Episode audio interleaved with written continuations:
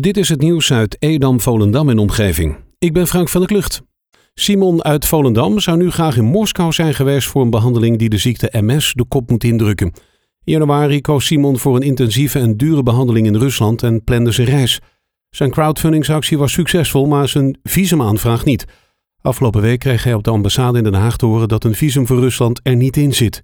Enerzijds omdat het land vanwege de coronacrisis tijdelijk geen Nederlanders toelaat, anderzijds omdat zijn situatie niet ernstig genoeg is. Na aanleiding van de hittegolf in Nederland publiceerde het CBS vorige week cijfers over het hogere aantal doden in Nederland. Er stierven 400 mensen meer dan normaal. Het aantal sterfgevallen lag 17% hoger in vergelijking met de weken voor de hittegolf. Een groot deel daarvan bestaat uit 80-plussers. Al lijkt bij de verpleeghuizen in Zaanstreek-Waterland van de Zorgcirkel en Evian geen verhoogde sterfte te zien. Vanaf nu rijdt EBS in de regio Waterland volgens een nieuwe dienstregeling. Voor de meeste bussen veranderen de vertrektijden. Ook gaan buslijnen vaker rijden en rijden de nachtlijnen weer. Alle plaatsen in de regio zijn dan vaker en makkelijker te bereiken. De frequenties van alle buslijnen zullen toenemen. In de spits stoppen de bussen dan 6 tot 8 keer per uur bij verschillende haltes. Buslijn 610 krijgt een nieuwe dienstregeling waarbij rekening wordt gehouden met de nieuwe schooltijden van het Don Bosco College in Volendam. De rommelmarkt vanuit privétuinen in Landsmeer op 19 september gaat niet door. Yvonne Boarding, die de rommelmarkt samen met Iwan Koek organiseerde, is deze week door de gemeente gebeld, die op Facebook zag dat ze al ruim 70 deelnemers hadden. Dat betekent dat ze daarvoor circa vijf veiligheidsplannen moeten indienen. En dat krijgen ze niet voor 19 september voor elkaar.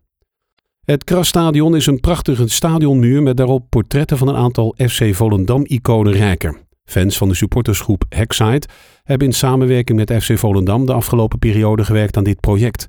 Afgelopen weekend werd de laatste hand gelegd aan de portretten, die gevestigd zijn onderaan de Jaap Jonk-tribune. De portretten zijn van Jack Tuip, Wim Jonk, Dick Tol en Johan Steur. Aanstaande maandag gaat de Klaverjasclub, Jozef Schilderbedrijf DSW en tegelzetbedrijf Fred Sier weer starten waar ze vorig seizoen gestopt zijn voor de coronacrisis. Ze gaan die avond beginnen met de prijsuitreiking van vorig seizoen en daarna gaan ze prijsklaverjassen. Wel op voldoende afstand van elkaar vanwege het coronavirus.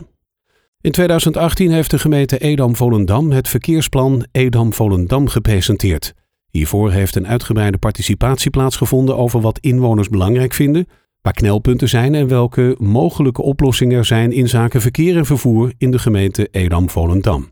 Hieruit is naar voren gekomen dat er in het centrum van Edam voor met name voetgangers en fietsers knelpunten worden ervaren op het gebied van veiligheid en leefbaarheid. Naar aanleiding van de probleemanalyse is het voorstel om op de Nieuwe Haven, Achterhaven en Voorhaven eenrichtingsverkeer in te stellen. Zo'n 32 jaar geleden is het Purmerbos gecreëerd en sindsdien een geliefde plek voor veel mensen uit de omgeving. De bomen die toen geplant zijn, staan er over het algemeen nog steeds. En daarom is het volgens boswachter Inga Tessel tijd voor nieuwe, jongere bomen en planten. In de vaktaal heet dat dunning en verjonging. Met het extra geld van de bomenkap kan het bos goed onderhouden worden. De meeste bomen van de kap worden volgens Inga dus gebruikt om papier en meubilair van te maken. Maar een klein gedeelte, het hout met veel knoesten, zal in de oven van de biomassa-centrale verdwijnen. Op 12 september vindt de Duchenne 40 plaats, een groot fietsfeest voor Bart van Riet die in september 40 wordt. Deze mijlpaal is bijzonder omdat Bart de dodelijke spierziekte Duchenne heeft. Ter ere van Bart's verjaardag fietsen deelnemers van Duchenne 40 door heel Nederland om geld op te halen voor Duchenne Parent Project. Een organisatie die zich inzet voor onderzoek naar de ziekte van Duchenne. Deelnemers starten vanuit huis of op een van de locaties van waaruit een tocht wordt georganiseerd, onder andere de Utrechtse Heuvelrug. Iedereen rijdt minimaal 40 kilometer. Kijk voor informatie even op duchenne40.nl. Tot zover het nieuws uit Edam, Volendam en omgeving. Meer lokaal nieuws vindt u op de Love Kabelkrant, onze website of in de app.